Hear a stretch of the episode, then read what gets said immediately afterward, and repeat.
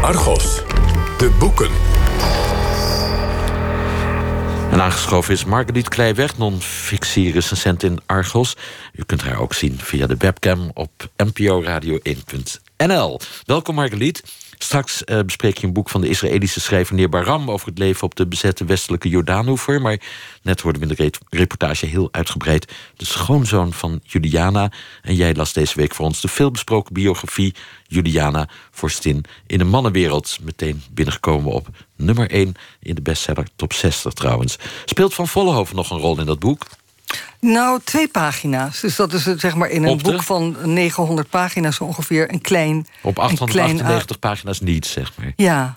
Uh, en, en, dat gaat dan over zijn huwelijk natuurlijk. Met, uh, zoals Jolanda Withuis in haar uh, fantastische biografie over Juliana noemt ze haar, noemt ze Margriet de overbodige prinses. En ze in welke heeft, zin overbodig? Ja, eh, omdat zij niet op de troon hoefde. Tenminste, dat werd dus iets anders toen Irene eh, ging trouwen met Juan Carlos. En ze, ze, schrijft ook over Margriet. Uh, ja, een beetje denigerend dat zij.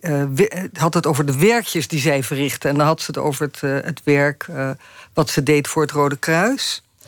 en ze beschrijft natuurlijk dat. Juliana noemde dat werkjes.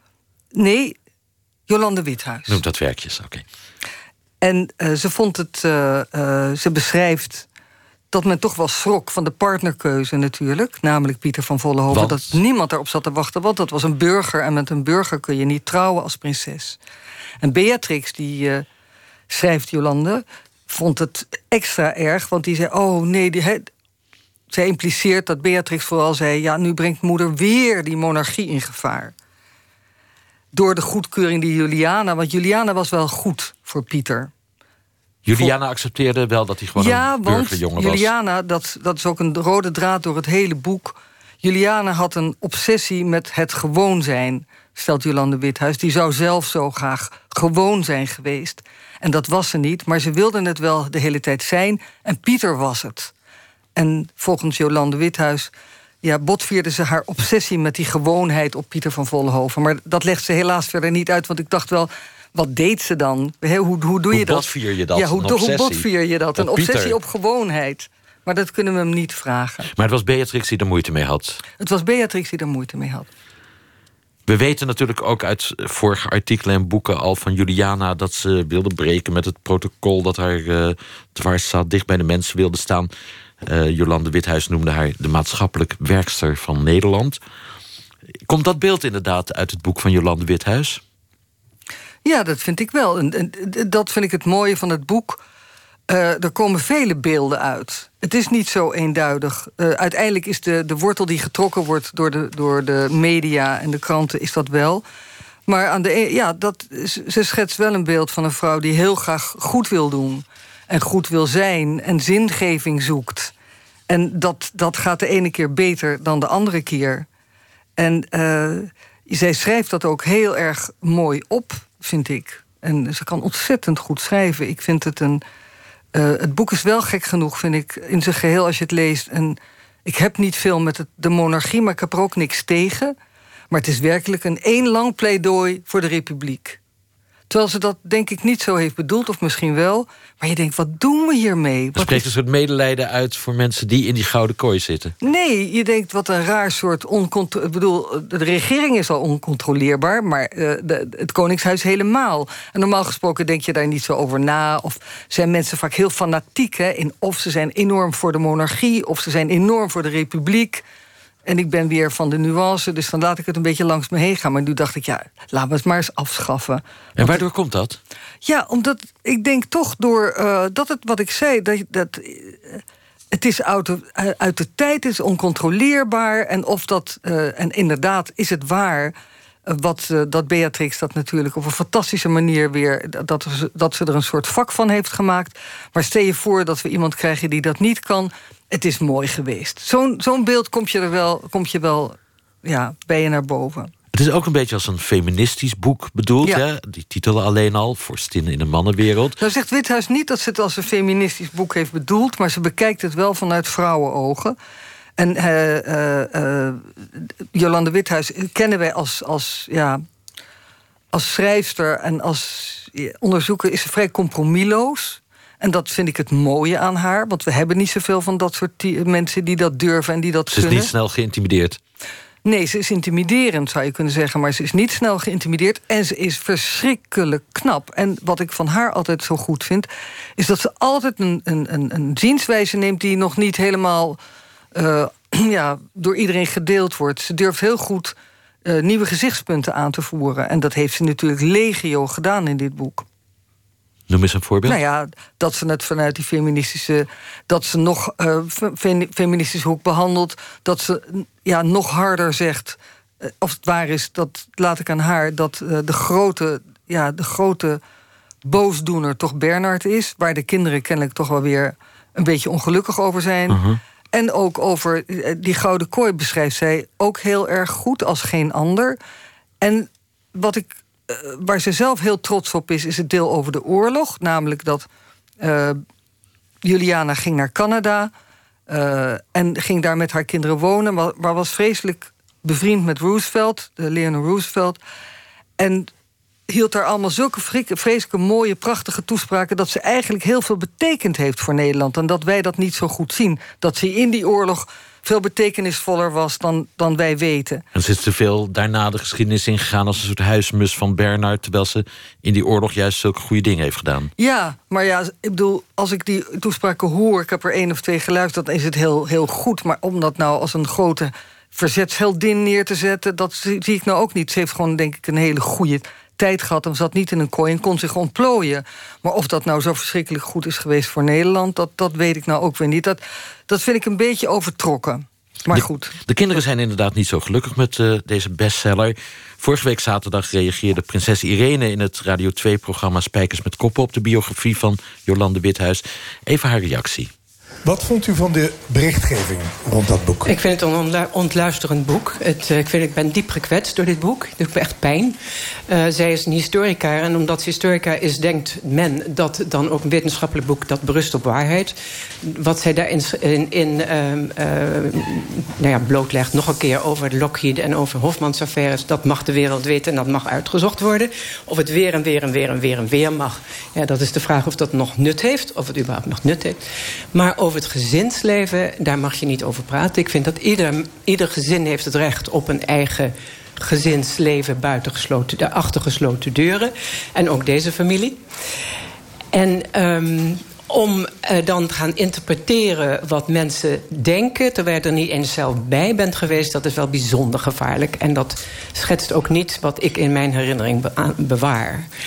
Dus um, wat draagt het bij om in de wereld negativiteit neer te zetten... en laten we kijken naar wat er wel goed gaat... en wat mensen wel in het leven zetten, wat nuttig is... en wat, ja, wat bijdraagt aan, aan, aan een betere toekomst van deze wereld. U weet het. Staan er veel leugens in dat boek? Wat ik zeg. Wat ik zeg. Wat ik zeg over het privéleven, daar, daar, daar, heeft ze, nou daar schrijft ze dingen die in mijn beleving niet kloppen. Ja, Felix Meurders in gesprek met prinses Irene... de tweede dochter van Bernard en Juliana... die het recht op uh, troonopvolging verloor... Daar, door haar huwelijk met de katholieke Spaanse prins Juan Carlos. Carlos. Um, begrijp je haar gekwetstheid? Het doet haar pijn. Als je haar hoort, lijkt het net haar moeder. Had net haar moeder kunnen zijn, hè? die ook altijd het goede wilde. En laten we nou weg, die negativiteit, het is nergens voor nodig. Of ik het begrijp, dat ja, ik begrijp het. Als je zo'n zo'n uh, uh, boek leest, dan is dat denk ik uh, voor haar niet leuk. Withuis schrijft bijvoorbeeld over Irene. voor de grondwet was de prinses Irene na haar huwelijk dood. Ehm, dat zijn, dat zijn ja, geen leuke dingen. Het is voor denk haar ik, om zelf te ook. Het gaat niet alleen om niet leuk nee, voor haar is, ouders. Nee. Maar dat, dat kan Withuis niks schelen. En dat kan ik me ook wel voorstellen. In die Wat, zin is, is Withuis genadeloos, vind je? Ja, dat is haar, haar opdracht, denk ik. Ik dacht wel... Um, er is ook een reactie hè, van, van Withuis. Ja, laten we die ook even uh, laten horen aan de luisteraar. Want een dag na het optreden van de prinses in Spijkers met Koppen... werd Jolande Withuis weer geïnterviewd in Buitenhof door Marcia Luiten. En dit was haar reactie. Uw biografie is veel geprezen in de kranten, maar niet door prinses Irene... die gisteren bij Spijkers met Koppen was. En die zei dat ze diep gekwetst is door de biografie. Ja. Ja, het, het is een. Ik geloof dat ze ook het woord ontluisterend heeft gebruikt. Het is een pijnlijk verhaal. Gekwetst vind ik uh, een wonderlijk woord, want uh, niemand. Uh, ik heb niet bedoeld iemand te kwetsen. Ik ben een wetenschapper, ik ben gehouden aan de waarheid. Het is een pijnlijk verhaal. En um, ik kan me voorstellen dat het dat het niet fijn is om te lezen voor de familie. Ja. Ik moet zeggen dat het schrijven van dit boek mij en het doen van dit onderzoek mij er enorm van heeft doordrongen wat een ongelooflijk moeilijk leven dat moet zijn. Uh, leven in zo'n positie van staatshoofd. Ja, um, prinses Irene zei nog even... kijk, u bent historica en dit heet een wetenschappelijk werk. Maar zij, um, ze zei, u interpreteert wel van alles... over situaties in de huiselijke kring waar u niet bent bij geweest. En ze vraagt zich af of dat dan nog wel wetenschappelijk mag heten ja, het is al vet wezen van de historicus dat je er niet bent bij geweest. het is erg moeilijk om geschiedenis te schrijven waar je wel bij bent geweest. Ja, kortom, de gekwetste prinses tegenover de steile historica. Had, had, had Jolande Withuis het boek toch niet moeten voorleggen aan de dochters? Het is heel interessant wat ze zegt. Wat ze zegt, ik ben historica en ik schrijf nu helemaal... Hè, ik schrijf over het verleden, ik schrijf over dode mensen... maar er zijn natuurlijk heel veel situaties die ze heeft beschreven... in dit boek, waar levende mensen op kunnen, ja, commentaar op kunnen leveren. En ze heeft ervoor gekozen om dat niet te doen. Het, uh, al de, helft of meer dan de helft gaat over een periode die zowel Julia, uh, Beatrix als Irene hebben meegemaakt en Margriet. Dus dat, daar, ik, toen ik dat hoorde, dacht ik: hé, hey, dit is interessant. Want dit is niet helemaal waar. Je had wel het aan ze voor kunnen leggen en je hebt ervoor gekozen om het niet te doen. En ik zou ontzettend graag willen weten van haar... wat haar redenen zijn geweest om het niet voor te leggen aan de nog levende leden van het Koninklijk Huis... terwijl ze wel heeft gesproken met al die vriendinnen. Want het is niet zo dat, het niet, dat ze geweigerd hebben... voor zover ik heb kunnen uitzoeken. Het is, ze heeft het niet gedaan. Ze mocht natuurlijk niet uh, in het Koninklijk Huis archief. Het kan een... Dat is heel jammer natuurlijk voor haar... Maar ze had toch kunnen kijken of ze bij die familie kon komen. En dan had ze alsnog kunnen besluiten als de voorwaarden dermate waren dat ze het gevoel had dat ze geen vrijheid meer had om te schrijven wat ze wilde, om het niet te doen. Maar om het helemaal niet te doen, dat vind ik heel interessant. Ik zou heel graag van haar willen horen wat daarachter zit. Als Jolande Withuis luistert, Argos Radio 1. Margeliet, we gaan nog snel even over naar het andere boek van Neer Baram. Bekend van uh, romans als Goede Mensen en Wereldschaduw. Maar hij heeft nu een non-fictieboek geschreven. Een land zonder grenzen. Hij is een belangrijke Israëlische schrijver, hè? Ik vind hem fantastisch. Ik vind het echt de belangrijkste Israëlische schrijver van dit moment. Uh, en dat Goede Mensen, dat moet echt iedereen lezen. Dat is zo'n verschrikkelijk mooi Maar dit gaat over zijn nieuwe boek, Een land zonder grenzen. Is dat ook goed? Uh, dat is ook goed, maar dat is lang niet zo goed. Ik vind het toch interessant dat een fictieschrijver die non-fictie gaat doen, dat is een ander genre. En hij komt daar eigenlijk, als ik het heel nu maar gewoon kort en eerlijk zeg, niet helemaal uit. In mijn idee. Uh, hij heeft een jaar lang gereisd langs de grens tussen Israël en Palestina. Uh, wat belangrijk is, wat hij beschrijft, is dat die mensen zich radicaliseren. Dat was nieuw voor mij.